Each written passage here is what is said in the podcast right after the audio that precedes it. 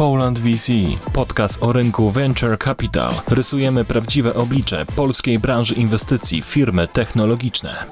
Cześć, witam Was w 48. odcinku podcastu Poland VC. Z tej strony Łukasz Kulicki z kancelarii Linkę Kulicki. Dzisiaj moim gościem jest Michał Sukiennik. Cześć Michał. Witam serdecznie, bardzo mi miło, że jestem. Michał, jesteś e, COO w e, Personit i dzisiaj sobie szczegółowo porozmawiamy o tym, co robicie w waszej firmie.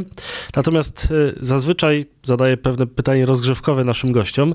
Z racji tego, że ty nie jesteś stricte z branży VC, to tego pytania nie mogę zadać, e, czyli jak wyglądała twoja droga do, do branży VC. Natomiast powiedz o swojej dotychczasowej ścieżce e, kariery. Jak wyglądała twoja droga do miejsca, w którym jesteś teraz? Takim najbardziej kluczowym momentem, który doprowadził mnie do tego miejsca, w którym teraz jestem, była praca w software house'ach polskich. Byłem head of growth, head of partnership e, i pracując, obserwując funkcjonowanie, rozwijając e, wewnętrznie firmę, odkryłem narzędzia naukowe.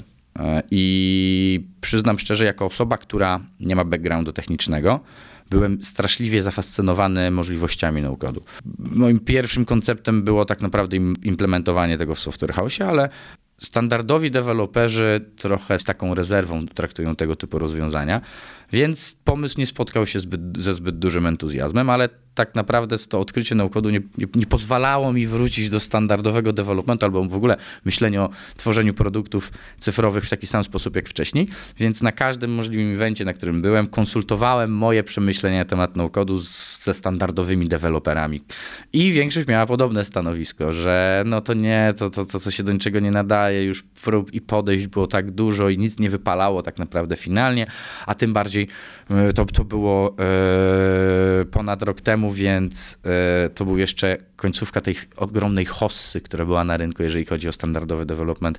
To wszyscy pamiętają te czasy covidowe i tuż po covidowe, gdzie e, giełda deweloperów działała dość intensywnie i wszyscy mieli non-stop zapotrzebowanie, więc tak naprawdę nikt nie analizował możliwości wykorzystania innych narzędzi, żeby zoptymalizować koszty e, swojego klienta, czy ewentualnie uderzyć do tych mniejszych klientów, którzy wcześniej nie mieli dostępu do innowacyjności.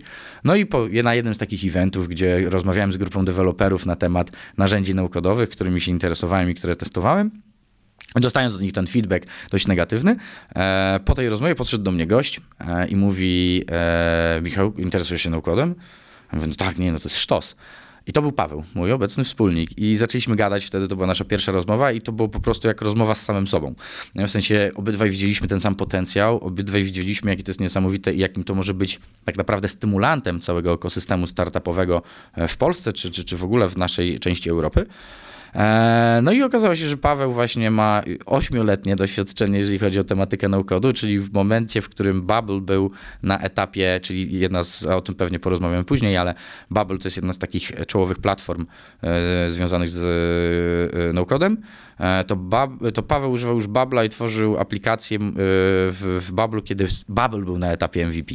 Więc, więc, więc e, tak, więc trafiłem na szczęście na osobę, która uzupełniała te kompetencje, których mi brakowało, czyli, czyli ten skill techniczny, a ja z drugiej strony uzupełniałem jego kompetencje, jeżeli chodzi o sprzedaż, marketing i takie działania, tworzenie relacji i budowanie partnerstw. Wiele takich powiedzmy większych projektów, czy projektów, które odnoszą mniejszy lub większy sukces, no to zaczyna się od tego, że albo się z ciebie śmieją, albo, tak, e, dokładnie, albo dokładnie. mocno ściągają cię w dół i są niechętni, żeby jakiś projekt realizować.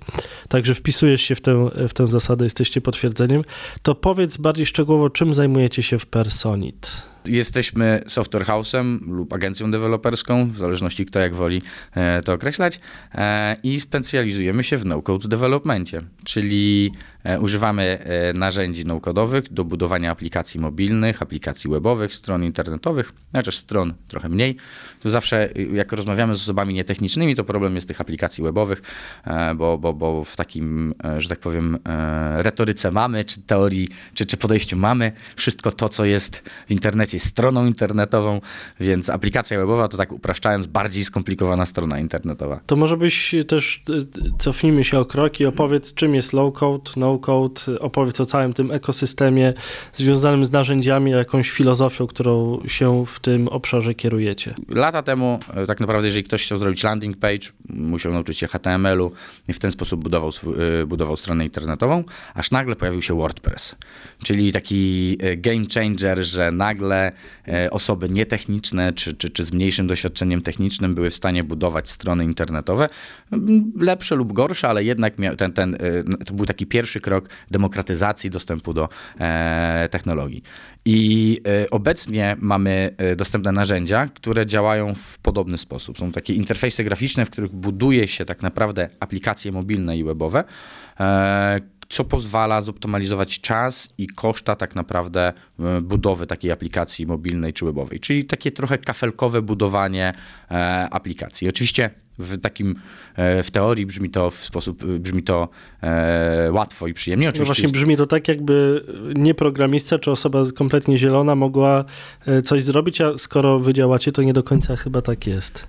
Próg wejścia jest dużo niższy niż przy standardowym developmencie, ale też nie jest to, nie są to takie narzędzia, które każdy jest w stanie wykorzystać, czy każdy jest w stanie, znaczy każdy w stanie, jest w stanie się nauczyć oczywiście, tak jak większości rzeczy i próg wejścia jest niższy. No, tak z naszych obserwacji to jest pół roku, rok intensywnej nauki, żeby być takim prawie samodzielnym no-code deweloperem.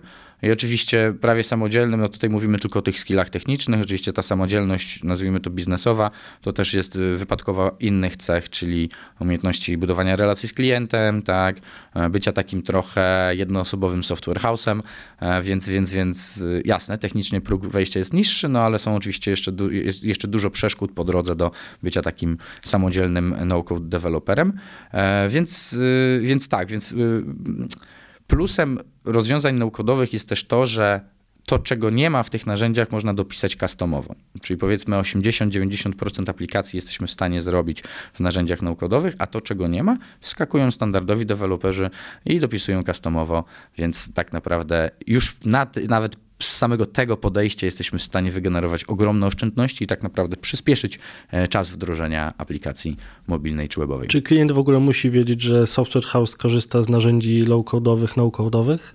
Jest takie e, narzędzie jak Flutterflow, które jest oparte e, na Flutterze.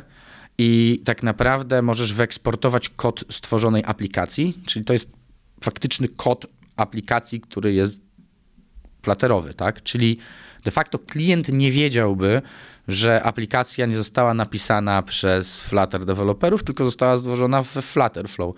Czy to jest moralnie akceptowalne, tutaj bardziej zadałbym pytanie poszczególnym osobom. No my jesteśmy w pełni transparentni pod tym kątem, więc nasi klienci wiedzą, że, stos że stosujemy, używamy narzędzi naukodowych. To od razu jak się wchodzi na waszą stronę, to widać, także nie da się tego przegapić. Sama agencja, no to jest jedna rzecz, ale my też w tym całym ruchu naukodowym widzimy ogromny potencjał, w sensie w ogóle w z, w implementacji e, no-code developmentu, przy w ogóle tworzeniu projektów, przy walidacji konceptów, czy tworzeniu MVP, czy POC, ale nie tylko, bo oczywiście no-code jest na tyle um, rozwinięte, że tworzenie w pełni funkcjonalnych aplikacji nie stoi na przeszkodzie właśnie, żeby tworzyć w pełni funkcjonalne aplikacje, ale yy, powiem, powiem szczerze, że yy, właśnie my staramy się też tworzyć takie community wokół tego. Też tworzyć, budować tą świadomość. Nie chcemy być agencją, która gdzieś tam używa no-codu i, i nie, nie, nie, komunikuje tego wprost, bo my widzimy, że te narzędzia i rozwój tych,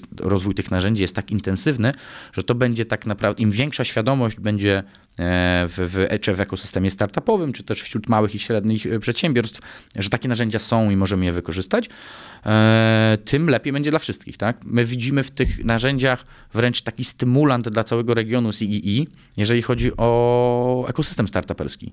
Wiesz, no my borykamy się z ogromnym problemem w naszym regionie, że w szczególności early stage startupy e, mają nie tyle trudny dostęp do pieniędzy, ale te początkowe finansowania są relatywnie niewielkie. Przyjęło się trochę, że startupy to jest domena osób młodszych, a przez co czasami mniej doświadczonych biznesowo. No i oczywiście dobrze, że osoby mniej doświadczone biznesowo w tą stronę idą i to doświadczenie zbierają, ale często mamy, mm, mają takie podejście, że milion złotych, które dostali powiedzmy finansowania, to zawojują tym świat. I oczywiście z punktu widzenia prywatnego milion złotych to jest ogrom pieniędzy, ale z punktu widzenia rozwoju firmy i, i skalowania, ale w taki sposób globalny, no to tu już się okazuje, że każdy, jak to mówią, e, biedna osoba liczy e, każdą złotówkę, bogata każdy grosz, więc w tym wypadku... Ja bym powiedział, że to jest, jak, jak się to przelicza na trzech, czterech programistów na rok, e, to ten milion złotych okazuje się bardzo Dokładnie. Nie, nie, niewielką kwotą.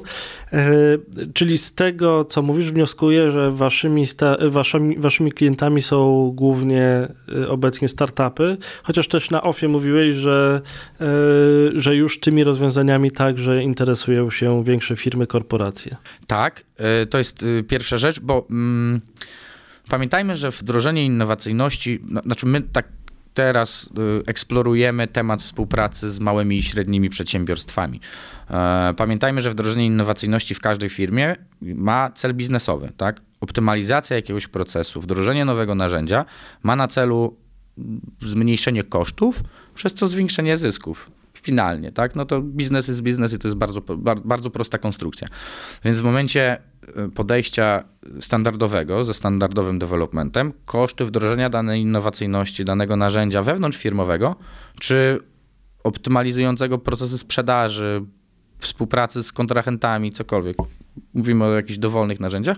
Przy standardowym developmencie koszty takiego wdrożenia były, przewyższały e, tak naprawdę e, potencjalne zyski czy wartość biznesową, więc wiele małych i średnich przedsiębiorstw tak naprawdę rezygnowało z takich działań innowacyjnych, e, no bo im się to fizycznie, znaczy finansowo po prostu nie opłacało. No i teraz cały na biało wjeżdża e, no-code i low-code i daje tym właśnie firmom możliwość e, wdrażania innowacyjności u siebie wewnętrznie czy zewnętrznie, właśnie ograniczając też koszta. Więc tak, więc oczywiście startupy są, wydaje mi się, takim na pierwszy rzut oka największymi beneficjentami, bo one same z siebie działają w sferze innowacyjności, więc y, powinny tą innowacyjność jak najbardziej adoptować, ale drugim takim największym beneficjentem wydaje mi się, że są właśnie małe i średnie przedsiębiorstwa, gdzie no-code zakopuje tą dziurę pomiędzy e, innowacyjnością a ich budżetem. Jesteśmy w podcaście, w którym mimo wszystko y, po, jakby mimo wszystko, patrząc na naszą rozmowę, w której jeszcze tematu VC nie, nie, nie, poruszyliśmy, to mimo wszystko e, ten temat jest tematem przewodnim, więc chciałbym stworzyć jakiś link. I patrząc na moje ostatnie 10 lat e, obcowania ze startupami, to e, jakby obserwowałem już wszystkie wszystkie etapy, tak, że startupy przychodziły do funduszy z prezentacją PowerPoint, potem z jakimś takim bardzo prymitywnym MVP i teraz już od funduszy VC dostaję informację, że w dobie właśnie tych narzędzi low-codowych, no-codowych przyjście do nich z pomysłem w PowerPoincie no nie jest dobrym pomysłem, tak, bo to bardzo źle świadczy o, o samych founderach, e, e, no bo po prostu za kilka, kilkadziesiąt, kilkanaście tysięcy złotych, możemy jakieś takie bardzo y, ograniczone lub mniej ograniczone MVP zrobić i jakoś zwalidować ten nasz pomysł na biznes. I to dosyć, i to dosyć szybko. Też słyszałem o, o firmach od swoich, od swoich zaprzyjaźnionych funduszy VC, y, gdzie startupy generowały po kilkaset tysięcy przychodu miesięcznie na samych tylko takich platformach low-codowych, no-codowych y, i tak naprawdę przyszli, przyszli do funduszu po to, żeby zbudować jakby przejść te, technologicznie e, krok, krok dalej i już po fundusze e, na to. I powiedz tak z perspektywy funduszu VC, na co taki fundusz powinien zwracać uwagę, analizując projekt, który no właśnie został stworzony początkowo w tych technologiach no-code, low-code. Znaczy, tak ogólnie rzecz biorąc, to pierwsza, jak sam wspomniałeś, że y, takie y, startupy się pojawiają, pierwszą taką cenną informacją dla funduszy jest to, że w ogóle startup ma takie podejście. Oczywiście nie chcę tutaj tylko i wyłącznie chwalić podejścia naukowego, no bo, no bo każdy wybiera własną ścieżkę, ale to, że y, founder na wczesnym etapie jest w stanie analizować tak naprawdę koszta i te koszta zmniejszać, i koszta wdrożenia i, i, i też dostosowywać nowe technologie do swoich potrzeb, to jest już naprawdę bardzo dobry znak dla funduszu inwestycyjnego, że to jest e, osoba, która e, podchodzi dość kreatywnie i nietuzinkowo, jeżeli chodzi o budowanie swojego startupu. Co z zasady i tutaj właśnie mm, to, co wspomniałeś, że e, startupy tego typu pojawiają się po pozyskaniu finansowania, żeby ewentualnie zmienić technologię, to nie jest konieczne. W sensie, nie, znaczy, może tak, nie, nie chcę, bo to oczywiście w jakimś stopniu upraszczam, tak? No bo pytanie, jaki jest plan dalszego rozwoju startupu, jaka funkcjonalność ma być w, w, na, na, na kolejnym etapie e, wdrożenia, więc tak naprawdę tutaj wszystko zależy od konkretnego planu. Może, może to opiszę na, na, na takich najbardziej plastycznych przykładach. Znaczy, my dzielimy wewnętrznie, y, używamy takiego podziału startupów na innowacyjne biznesowo, innowacyjne technologicznie. Innowacyjne technologicznie niestety, ale e, nie, nie, są, e, nie skorzystają z dobrodziejstwa no-codu i low-codu, chyba że przy jakichś swoich wewnętrznych działaniach takiej optymalizacji pracy wewnętrznej. Ale już startupy innowacyjne biznesowo, to dla nich no-code jest wręcz idealny i to jest, może być też w ogóle docelowym narzędziem do tworzenia całego swojego startupu. Tak jak spójrzmy na, na taki najpiękniejszy polski przykład Booksy, e, oni są innowacyjni e, biznesowo. Tak? Oni po prostu wiesz, no to jest kalendarz zasadniczo opakowany w płatności i, i tyle, tak? I, jest multum takich startupów, które tak naprawdę wykorzystują, e, nie wykorzystują innowacyjność, tylko właśnie innowacyjność biznesową, widzą jakie jest zapotrzebowanie na rynku. I tutaj no-code by się sprawdzał naprawdę przez długi, długi czas. Oczywiście kapitalizm jest jaki jest, więc rośniesz albo giniesz, więc na pewnym etapie startupy muszą coraz bardziej kombinować i coraz bardziej przyciągać do siebie klientów, też nowych, e, więc muszą tą y, funkcjonalność zwiększać lub ulepszać, więc możliwe, że na pewnym etapie e, będzie to wymagało y, zmiany podejścia, ale też znam wiele historii startupów, które miały e, podejście standardowe i przepisywały swoje aplikacje kilkukrotnie do Series A nawet, tak? Więc y, tak naprawdę przywiązanie do tej wersji y, swojego, tej wersji, którą masz obecnie jest zbyt duże. Po prostu zaakceptujmy to, że czy pivot będzie wymusi na nas stworzenie naszego narzędzia od nowa, czy tak naprawdę no jest wiele, wiele scenariuszy, które mogą spowodować zmianę, więc tak naprawdę ciężko, ciężko powiedzieć, czy przywiązanie, czy nie przywiązanie, to zmieniać można dowolnie. A co, a bo trochę odbiegłem od pytania, wydaje mi się. Nie, jest wszystko, jest wszystko w porządku. Ja tylko chciałbym zadać ci takie króciutkie pytanie, chociaż podejrzewam, że mógłbyś na nie długo odpowiadać, e, jeszcze zbaca, zbaczając od tego tematu VC. E, czy low code, to także low cost, bo o tym już sporo, sporo powiedziałeś, ograniczamy koszty, ale powiedzmy o ile. Wiesz co, no to oczywiście zależy od projektu, ale my przyjmujemy, znaczy niektóre agencje yy, prześcigają się wręcz w e, liczeniu, jak duża jest to oszczędność. My przyjmujemy takie e, najbardziej bezpieczne założenie, że to jest w okolicach pięciu razy taniej w, tak naprawdę y, wdrożenie e, niż przy standardowym developmencie. Są oczywiście projekty, gdzie wychodzi to jeszcze taniej, a są projekty, które wychodzi to no, nie aż tak korzystnie finansowo. Czy pięć razy taniej to oznacza też, że pięć razy szybciej? Bo o tym też mówiliśmy, że tutaj czas gra. Tak, y, rolę. znaczy najszybsze MVP, które stworzyliśmy, ale tutaj... Yy, Paweł, mój wspólnik, kazał mi mówić, że trzy tygodnie, ale to było dwa tygodnie tak naprawdę. I to była aplikacja webowa do reklamacji, gdzie to był szalony termin, ale tam nie, nie, wdając, nie, nie wdając się za bardzo w szczegóły, e, trzeba było na konkretną, do konkretnej daty ten projekt wypuścić. E, no i udało się tak naprawdę dwa tygodnie, tak? Z panelem administracyjnym, z panelem użytkownika, podpiętymi e, płatnościami, logistyką, wszystkim, wszystkim w pełni funkcjonalna aplikacja w dwa tygodnie. I oczywiście nie chcę nikomu mówić, że każda aplikacja jest do realizacji w dwa tygodnie, bo to był termin szalony, ale można można przyjąć, że taki MVP SaaS-u na przykład to jest od miesiąca do dwóch miesięcy w zależności od poziomu skomplikowania. I teraz można sobie to, że tak powiem, wewnętrznie policzyć w porównaniu do standardowego developmentu czy in-house'owo, e, więc, więc, więc tutaj ten, to spektrum jest e, szerokie, jeżeli chodzi o różnice, no ale tak, no to jest zdecydowanie zbyt dużo szybciej. A jeżeli chodzi o koszt wdrożenia, no to znowu tak naprawdę e, wszystko jest kwestią podejścia. My, te, my też często rozmawiamy, no bo wiesz, plusem dla startupów korzystanie z narzędzi no-codowych czy, czy no-code developmentu jest to, że przez to, że projekt jest krótszy i yy, te narzędzia optymalizują pracę, dużo łatwiej wyestymować całkowity koszt projektu. I to jest kluczowe z punktu widzenia startupu. No bo wiesz, software house'y, co jest logiczne przy dużych, długoterminowych projektach, w jakiś sposób estymują godzinę, ale bardziej wybierają time and material, bo to jest dla nich łatwiejsze. No tak, my w kancelarii wiele, kilkudziesiąt software house'ów obsługujemy i to zawsze jest problem, z, tak. jeżeli chodzi o to wynagrodzenie, ale to jest to, o czym mówisz, to jest właśnie dla mnie pewna, e, pewna nowość i miłe zaskoczenie, tak, że tutaj jesteśmy w stanie przewidzieć dokładnie, te koszty. Dokładnie. Tak? I wiesz, i z perspektywy wdrożenia projektu, czy z małe, średnie przedsiębiorstwo, czy startup już w szczególności, bo wiesz, przedsiębiorstwo ma możliwość balansowania tym budżetem i analizy, czy jeszcze są w stanie dosypać więcej, jeżeli y, efekt jest pozytywny. Startup ma co do zasady, w szczególności ten na wczesnym etapie, ma bardzo określony budżet, który skądś pozyskał, czy od funduszu inwestycyjnego, angel inwestora, czy z funduszy unijnych, e, czy, czy, czy, czy rządowych.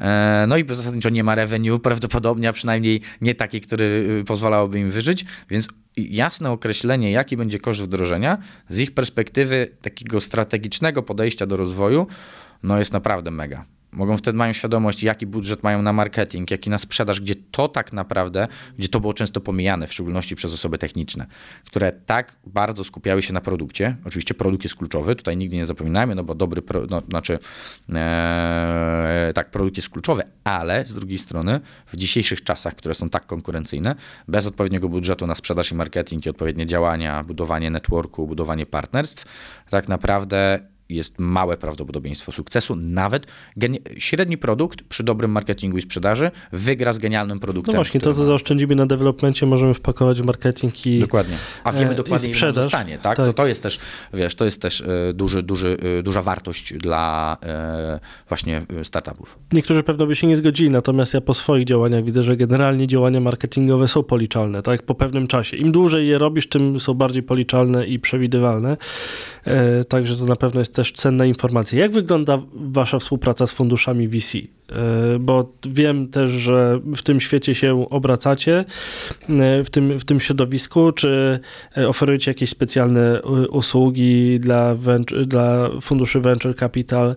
Jak to wygląda? Znaczy ogólnie z takimi dwa, dwoma rodzajami podmiotów, które najlepiej nam się współpracuje, to są venture buildery, i ogólnie fundusze VC to są dwa venture buildery, no to z takiego oczywistego punktu e, budują własne, więc łatw, łatwiej ich przekonać i, i łatwiej im zaakceptować szybką walidację. A jeżeli chodzi o fundusze e, VC, e, no to działamy na zasadzie takiego partnerstwa i trochę bycia w centrum ekosystemu, czyli e, znaczy w centrum, nie chcę tak zupełnie górnolotnie, nie to, że wiesz, jesteśmy w centrum ekosystemu, tylko chodzi, nasze założenie jest takie, że do nas przychodzą startupy, które chcą zbudować swoje MVP czy POC, my im pomagamy, a dzięki networkowi z funduszami inwestycyjnymi e, pchamy odpowiednie startupy do odpowiednich funduszy, które akurat mają taki profil inwestycyjny, jak startup, z którym my współpracujemy i który, dla którego tworzymy. I odwrotnie, kiedy w funduszach inwestycyjnych pojawia się startup, który czy ma POC, e, czy ma jakiś taki bardzo uproszczony MVP, które jest tylko i wyłącznie wiesz, do, do, do tak naprawdę na, na, na, kolanie, wiesz, no, forum na Facebooku może być twoim POC slash MVP tak naprawdę, jeżeli dobrze to rozegrasz, czy, czy, czy jest, jest wiele takich startupów, o których słyszałem, które twierdziły, że na przykład automatyzują coś, albo digitalizują coś, a w praktyce wszystko e, robili, e, że to był piękny landing page, który nic nie robił, a finalnie wszystko robili ręcznie i tak weryfikowali, czy to ma sens. A kiedy okazywało się, że jest zapotrzebowanie u klientów, no to wtedy wiedzieli, że warto, e, warto iść w taką w jakieś stworzenie narzędzia, które zastępowałoby ich samych. Nie chcę tutaj podawać przy, przy, przykładów, no bo ktoś może się obrazić, że, że, że, że uchylam rąbka tajemnicy, ale właśnie yy, tak, no i te i fundusze, z którymi współpracujemy, po prostu pchają w nasze ramiona, czy, czy, czy informują o tym, że jest możliwość zbudowania tego wszystkiego na naukodzie. No i właśnie, teraz płynnie przeszliśmy do momentu, w którym ten projekt y, trzeba zrobić.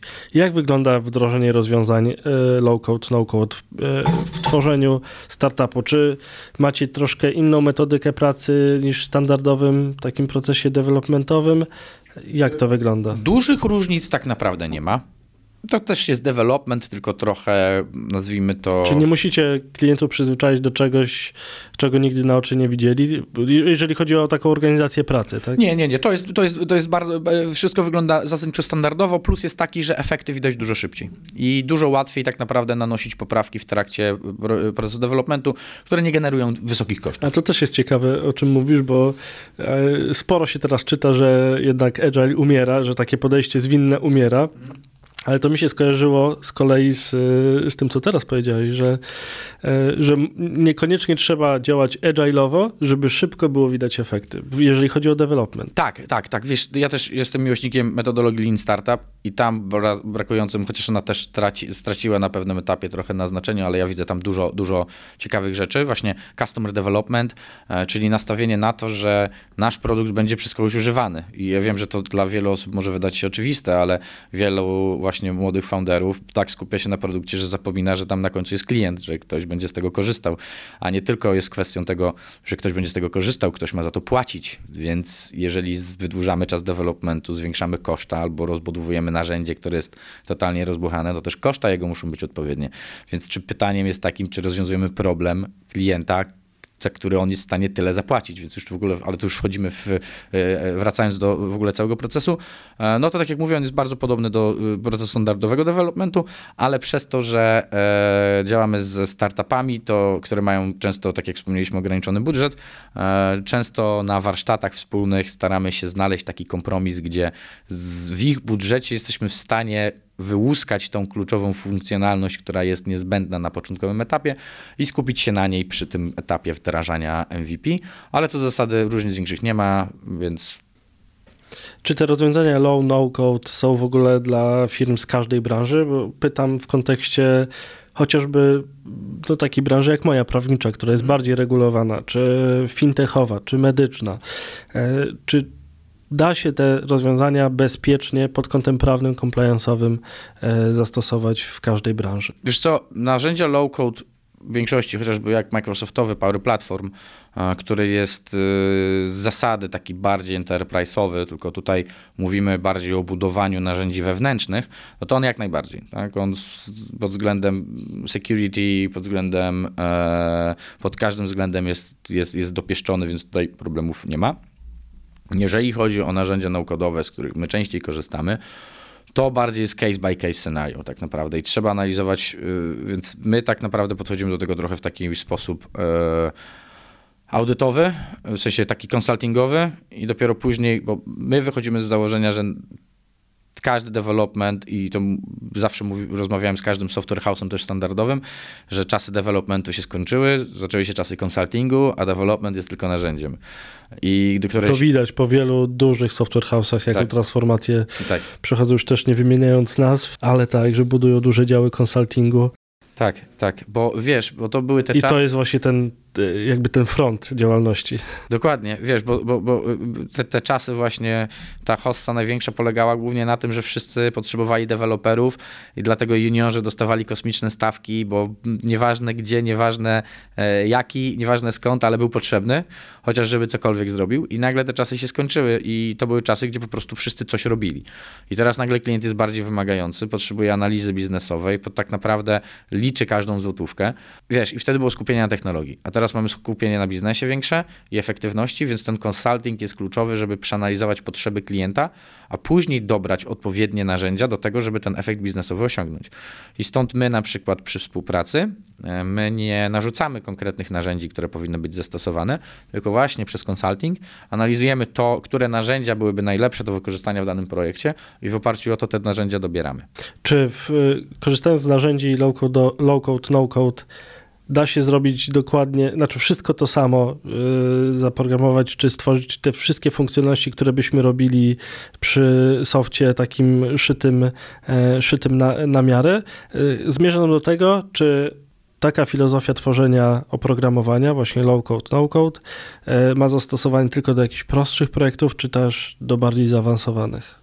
Hmm, no wiesz co, pytanie jest dość trudne oczywiście, bo ta granica pomiędzy tym, co jest y, skomplikowane, wiesz, Uber kiedyś był innowacyjny technologicznie, e, a teraz już nie jest, tak? Więc y, wiesz, więc tak naprawdę... Ale to jest dobry przykład. Czy dałoby się zrobić Ubera teraz na low-code, no-code? Dałoby się, ale ilość... Bo to jest dobry benchmark dla większości słuchaczy. Tak, tak, a tak, tylko że jak ktoś ze, ze środowiska startuperskiego, znaczy takiego foundersów, którzy chcieliby e, wejść do świata startupów i ten to polecam nigdy do funduszy inwestycyjnych nie mówić taki Uber, ale dla, tak, bo to niestety... To tak, tutaj możemy wspólnie powiedzieć, bo to jest jedna z takich rzeczy, które są ścinające na, na ten, trzeba naprawdę później mieć mega niesamowity pomysł, żeby to przeszło. Więc e, tak, ale taki Uber, ale no-codowy, tak jak najbardziej byliby, jest, bylibyśmy w stanie coś takiego stworzyć i, i, i, i, narzędzia. Wiesz, takim idealnym przykładem, jeszcze w ogóle tak pokazując mhm. naukę, mój wspólnik Paweł jest osobą, która jest dużo bardziej skrupulatna niż ja. No, on jest techniczny, więc musi być skrupulatny. No i jak dobieraliśmy narzędzie do cold mailingu, no to analizował to bardzo, bardzo szczegółowo i żadne mu nie pasowało. I stwierdził, że nie, tak, to nie ma tego, to nie ma tamto. Więc stwierdził, że w weekend zrobi własne narzędzie do cold mailingu. I tak mniej więcej wygląda podejście. Wyobraź sobie, że... No kiedyś całe startupy zbierały milionowe finansowanie na narzędzie do cold mailingu, to się Dokładnie. okazuje, że teraz można to zrobić samemu. W weekend i tak naprawdę dostosowując, oczywiście w weekend, wiesz, no tam nie było jakiegoś pięknego frontendu, no bo nie był potrzebny do naszego wewnętrznego użytkowania i tam też były jakieś, szliśmy na kompromisy, bo nie potrzebowaliśmy tego, a potrzebowaliśmy tego bardziej, więc, więc, więc to trochę, wiesz, to nie było komercyjne narzędzie, które byśmy wypuścili, no bo komercyjne zajęłoby dużo dłużej, ale takie, które potrzebowaliśmy na chwilę obecną, no to było zrobione w weekend tak naprawdę.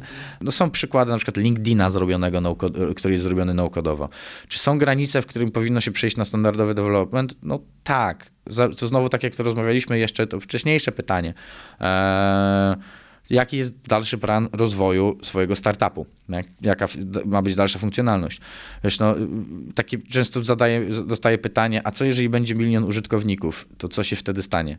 No i są platformy, które mają 4 miliony użytkowników, w sensie startupy, które są zbudowane na naukodzie, no ale tak, jeżeli chodzi o szczerość taką totalną, bo jesteśmy w podcaście, nikt nas nie słyszy, to możemy być totalnie szczerzy, e, to jeżeli ktoś będzie miał milion użytkowników, to naprawdę ostatnim problemem będzie to, żeby tak. zmienić, e, czy, czy, czy na nowo napisać platformę, która będzie lepiej zoptymalizowana, a niestety nawet przy standardowym developmencie zawsze jest dług technologiczny i zawsze jest ten problem skalowalności i zawsze jest ten dylemat, czy to, co zrobiliśmy, no bo jak wygląda startup? My we dwóch mamy dzisiaj genialny pomysł, jak było to standardowo. No i ty trochę, trochę kodzisz, ja trochę kminię, oczywiście robimy to po godzinach, więc ty tak kodzisz, wiesz, tak niby wierzysz, ale trochę nie wierzysz, nie wierzysz i później coś nam wyszło, mamy pierwszych klientów, fundusz mówi, e, panowie, spoko. no i na bazie tego powstaje startup, więc ten dług technologiczny to już na day one to jest tragiczny, a próbujemy dojechać na tym do miliona użytkowników, no szans brak, nie? No w sensie już, już z defaultu szans brak niestety. Więc bardziej, tak jak też wcześniej mówiłem, no nie przywiązywać się na razie do... do, do, do nie, nie, oczywiście trzeba mieć plany i fundusze chcą widzieć, mm, fundusze inwestycyjne przyzwyczaiły się do tego, że startup, który ma POC, pokazuje piękne wykresy na zasadzie wielkość rynku i z palca 13 biliardów złotych. My chcemy z tego pół procenta. i, i, i fundusze inwestycyjne. Pan, okej, okay, okej, okay, podoba nam się wasze podejście. No więc y, tak, to jest jak najbardziej skalowalne, e, ale... ale... No ale to taki runway y, kaszowy jakby no. wydłuża generalnie stosowanie, stosowanie rozwiązań no-code, low-code. W sensie? Dostajesz milion złotych, masz no. więcej czasu na to, żeby rozwinąć jednak kwestie biznesowe, możesz troszeczkę mniej czasu poświęcić, a, a raczej finansów na to, żeby, żeby rozwijać sam projekt, bo to jest po prostu no, pięć razy tańsze, powiedzmy, przyjmijmy sobie, więc ten runway e, pieniędzy ci się jakoś tam wydłuża, tak, bo tak. No, programiści są po prostu drodzy, tak, więc e, mimo wszystko póki co jeszcze. Zabrzmiało złowieszczo. Skoro nie musisz mieć czterech in-house'ów, tak. programistów tak. w firmie, tylko możesz mieć jednego, no to, tak. to siłą rzeczy dłużej przeżyjesz na tych pieniądzach od inwestorów. A tak, no to zdecydowanie, tak, tak, tak, tak, tak. Nie, no to wiesz, tak się bardzo z tą zgadzam, jak, jak rozmawialiśmy, że już niedługo, nie wiem, czy mogę powiedzieć, że już niedługo wideo będzie? Będzie, tak. Tak, to ja jeszcze się nie zapałem, ale kiwam głową, że się zgadzam, żeby nie, nie, państwo, państwo na Spotify'u nie widzą. Już za kilka odcinków startujemy z, z Poland VC też w formie wideo, także będzie można nas oglądać na YouTubie. E, Michale, powiedz, e, to jakby przekładając to, o czym mówiłeś, na, e, na jakieś konkrety, powiedz o jakichś przykładach takich, z którymi, e, przykładach startupów, firm, z którymi wy współpracowaliście, albo jakichś projektów, które właśnie tworzyliście. Teraz mamy bardzo ciekawy projekt y, aplikacji, która oparta o AI, która analizuje twoje, y, to w jaki sposób prowadzisz swój fanpage, czy swoje konto y, firmowe na social mediach i na podstawie tego tworzy podobne posty w tym samym stylu. I to jest taki SaaS, który tworzymy. Teraz tworzymy też pierwszy własny wewnętrzny produkt, czyli narzędzie do generowania grafik eventowych. Czyli takie, wiesz, to jest takie drobne narzędzie, taki personalny twist do każdego eventu, który jest, e, e, wiesz, tak jak jeździsz na techowe eventy, czyli pewnie e, Wolf Summit, zaliczyłeś pewnie InfoShare, no i tam wiesz, wrzucamy y, grafiki, że będziemy, czy zrobimy sami, czy jak jesteśmy speakerami, to nam robią. No ale chcemy pokazać, że jesteśmy. No to jest takie narzędzie, że generator grafik eventowy, gdzie wrzucasz swoje zdjęcie i masz grafikę, że będzie, piękną grafikę od oczywiście organizatorów, że e, ten, że, że będziesz na evencie. To przy współpracy z organizatorami. Mówisz też o jakiejś aplikacji od reklamacji. Tak, aplikacja do reklamacji. To było, to było ostatnio, to był taki szybciutki, szybciutki projekt, który zrealizowaliśmy w dwa tygodnie. Był też projekt w Australii do taki Tinder dla kamperowiczów, czyli jak jeździsz kamperem i chcesz się zadziękować z ludźmi, to meczujesz się z ludźmi z danego kempingu. Teraz taki jeden z takich najbardziej spektakularnych projektów to była platforma dla mikroinfluencerów, na której tworzy się mikrosklepy takie pop-upowe przy współpracy z dużymi brandami. I te mikrosklepiki są robione przez influencerów i są customizowane. No i one tak generują właśnie taką sprzedaż właśnie dla tych dużych brandów i oni sobie dobierają tych mikroinfluencerów pod swoją kampanię i oni tworzą tak jakby swoje sklepy, które są zintegrowane z wszystkim. To było zbudowane tak naprawdę w całości praktycznie na Nukodzie. Tam trochę kodu było, tak jak wcześniej wspominałem, że to tam, gdzie no-code nie może tam standardowego dewelopera pośle e, i e, tam część musiała być dopisana standardowo, ale tak jak mówię, to jest mniejsza część niż przy, przy, przy standardowym developmencie. Jesteś w tej branży już kilka lat, więc już widzisz pewno jakieś trendy, widzisz, co się zmieniło przez ostatnie, przez ostatnie lata. Natomiast powiedz, jakie tendencje lub innowacje w tych technologiach przewidujesz w najbliższej przyszłości? Pewnie pijesz trochę do AI, który jest odmieniany przez wszystkie przypadki i e, wszędzie jest o nim głośno. Znaczy, my, wiesz, no my też się zastanawiamy wewnętrznie, czy patrząc na rozwój y, sztucznej inteligencji, czy y, na pewnym etapie nie będzie to wyglądało tak, że będziesz mógł generować dowolną aplikację albo taką prostą aplikację, dosłownie wpisując prompta. E, ja to bardziej widzę, że przyszłość będzie wyglądała tak, nie wiem, to, to, to już totalnie wybiegam przyszłość, nie wydaje mi się, że aż tak, że będziemy mieli po prostu, wiesz, Elon Musk chce zrobić aplikację X, aplikację do wszystkiego. I wiele osób się z tego śmieje, wiele osób uważa, że to nie ma sensu, bo wszystkiego jest do niczego, ale ja widzę taki ogromny potencjał w takich totalnie spersonalizowanych aplikacjach. Czyli twój telefon i tak jest w jakiś sposób spersonalizowany przez to, jakich narzędzi używasz, ale te narzędzia są jeszcze spersonalizowane pod ciebie. Wiesz, nie wiem, jak długo szukałeś narzędzia do zarządzania swoim czasem. Nie? Ja to mam zawsze z tym problem, wiesz, mam różne to-do listy, różne jakieś, wiesz, mapy myśli. Dużo. Myślę, że z 10 aplikacji przeszedłem. Ostatecznie skończyłem na to iście, z którego jestem bardzo zadowolony, polecam. Tak, i właśnie to jest problem, nie? Ale i wiesz, bo ty masz swój personalny jakiś proces działania, który jest czasami bardziej poukładany jak to u ludzi, czasami bardziej chaotyczny. No i często ciężko znaleźć narzędzie, które by spełniało Twoje oczekiwania w 100%. I obstawiam, że przyszłość będzie wyglądała tak, że aplikacje będą dostosowywały się do Ciebie i będą, jak powiem, zmieniały się w, zgodnie z tym, jak efektywniej powinieneś ich używać. I to jest taka odległa przyszłość. Taka bliższa przyszłość, no to jest bardzo, byliśmy teraz e, kilka tygodni temu na No Code, e, no Code Summitie w Paryżu no w ogóle niesamowity event. W sensie, wiesz, w Polsce byliśmy pierwszymi osobami, które chodziły na eventy i darły się o tym no-codzie i gadały i jak wiesz, jak zdarta płyta non-stop no-code i no-code i pojechaliśmy do tego Paryża. No oczywiście to już się zmieniło, e, że na tych eventach pojawia się coraz więcej agencji, coraz więcej osób, też dzięki nam, no bo dzięki społeczności, którą zbudowaliśmy. E, tu polecam no-code starter, zapraszam na Discordzie e, i pojechaliśmy do tego Paryża i tam wszyscy byli tak samo zajarani tematem jak my. I nagle się okazało, że z całego świata tysiące ludzi się zjechało. I trochę jest tak, że wszyscy mają ten sam problem w każdym kraju, że próbują przekonać, e, wiesz, ekosystem do korzystania, ale. Może to, to trzeba właśnie zrobić tak, że nie powiedzieć klientowi, że się zrobiło coś w low-code i potem na koniec mu powiedzieć, że słuchaj, to zrobiliśmy tak i tak i czy widzisz jakąś różnicę. Zdejmujesz maskę. Tylko tam... trzeba, to trzeba zaryzykować. Tak, masz taki, jak mam koszulkę teraz, Join the No-Code Revolution i tak za zakryje sobie no, jak klient odpali mówi świetnie działa, to odkryje i to tak naprawdę od początku był no code. Słyszałem o takich historiach, nawet off-topowo działa, tutaj nie będę, nie będę wymieniał oczywiście nazw, że są projekty dla dużych klientów, które zostały zrobione no-codowo, ale po prostu klient płacił za efekt, tak? Więc nie, nie zresztą często tak jest, że klient płaci To mówisz za o historiach po prostu z rynku, nie? z rynku, tak, nie, nie nasze, nie, nie, waszych, nie, tylko... nie, nie, nie, nie, my tutaj e, ten, no w, w każdym razie na tym evencie w Paryżu poznaliśmy multum osób i rozmawialiśmy o trendach, o tym, co się będzie działo w najbliższym czasie. No jest na pewno bardzo dużo nowych narzędzi, które cały czas się pojawiają, no bo y, temat jest y, bardzo ciekawy dla każdego. No w ogóle dlaczego no-code jest tak kluczowy?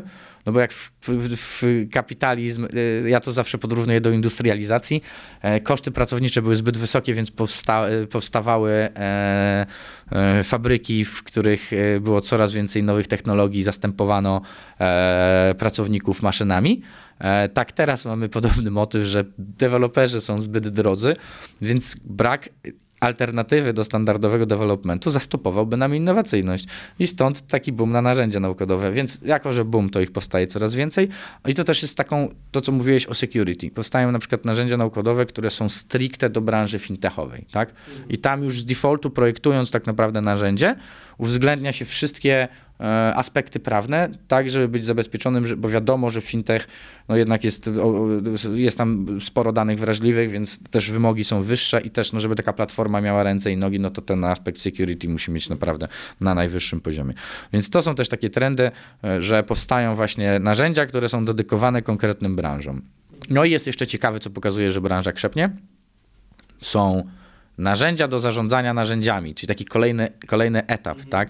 Czyli na przykład nasza zaprzyjaźniona, e, zaprzyjaźniona firma e, startup, który w, swoją drogą zainwestował Polski Fundusz Inwestycyjny, który jest zbudowany na no-codzie.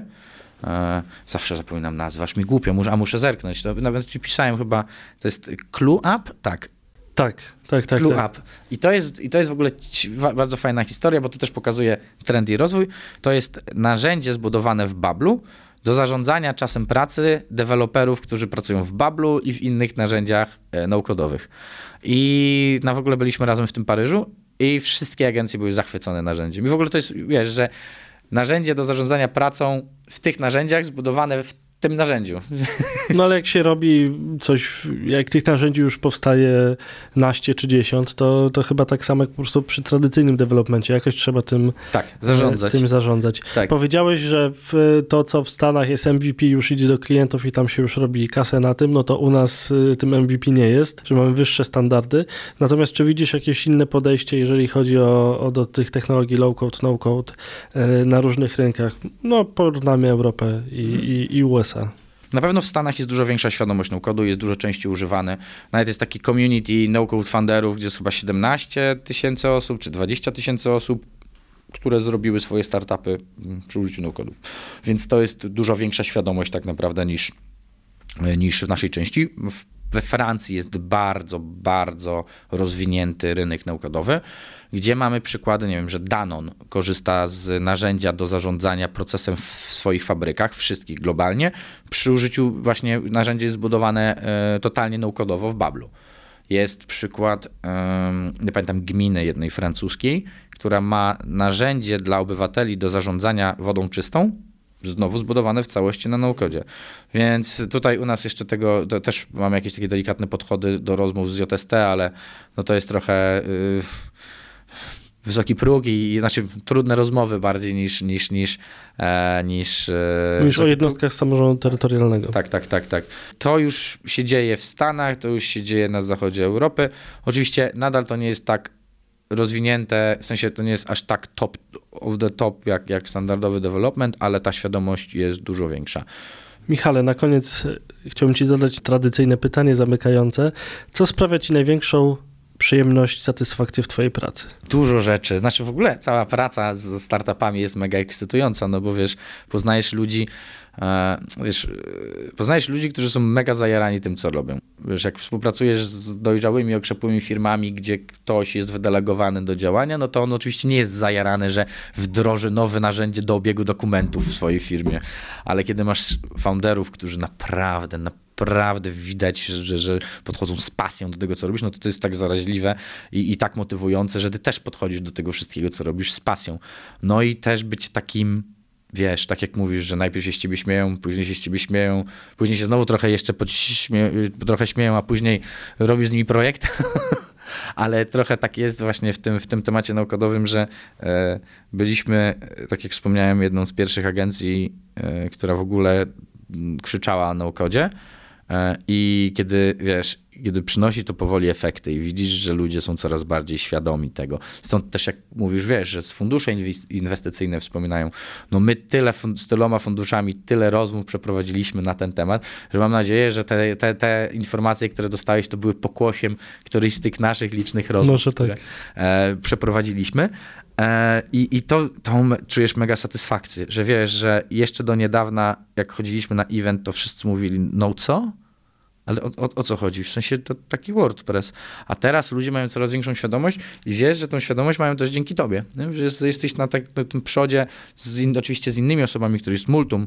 Dzisiaj właśnie e, jest No Code Days w, w, w Warszawie, e, gdzie Paweł, mój wspólnik, jest w Radzie Programowej i odpowiada za ścieżkę No Code. E, I no i znowu kolejny jakiś punkt programu, który, który, który się pojawia i, i, i no, no ta satysfakcja jest niesamowita, że możesz coś nowego, że tak powiem, e, pokazywać i, i, i być takim, wiesz, trendseterem. Jakkolwiek głupie by to brzmiało, ale, ale, ale to jest chyba najbardziej satysfakcjonujące. No i fajnie by było, jakby ludzie w końcu uwzględniali ten no bo nie, oczywiście jest spoko i się rozwijamy, ale to by się przydały projekty, nie? No. No, wydaje mi się, że trzeba być po prostu y, cierpliwym, nie odpuszczać i w końcu, w końcu tak się stanie. Michale, to życzę wam, żeby ten drive tylko się nakręcał i żeby było coraz lepiej. Super, dziękuję uprzejmie i bardzo mi było gościć w tym podcaście. Widziałem e, listę wcześniejszych. E, tak, dobijamy prawie, już dobijamy do 50 odcinków.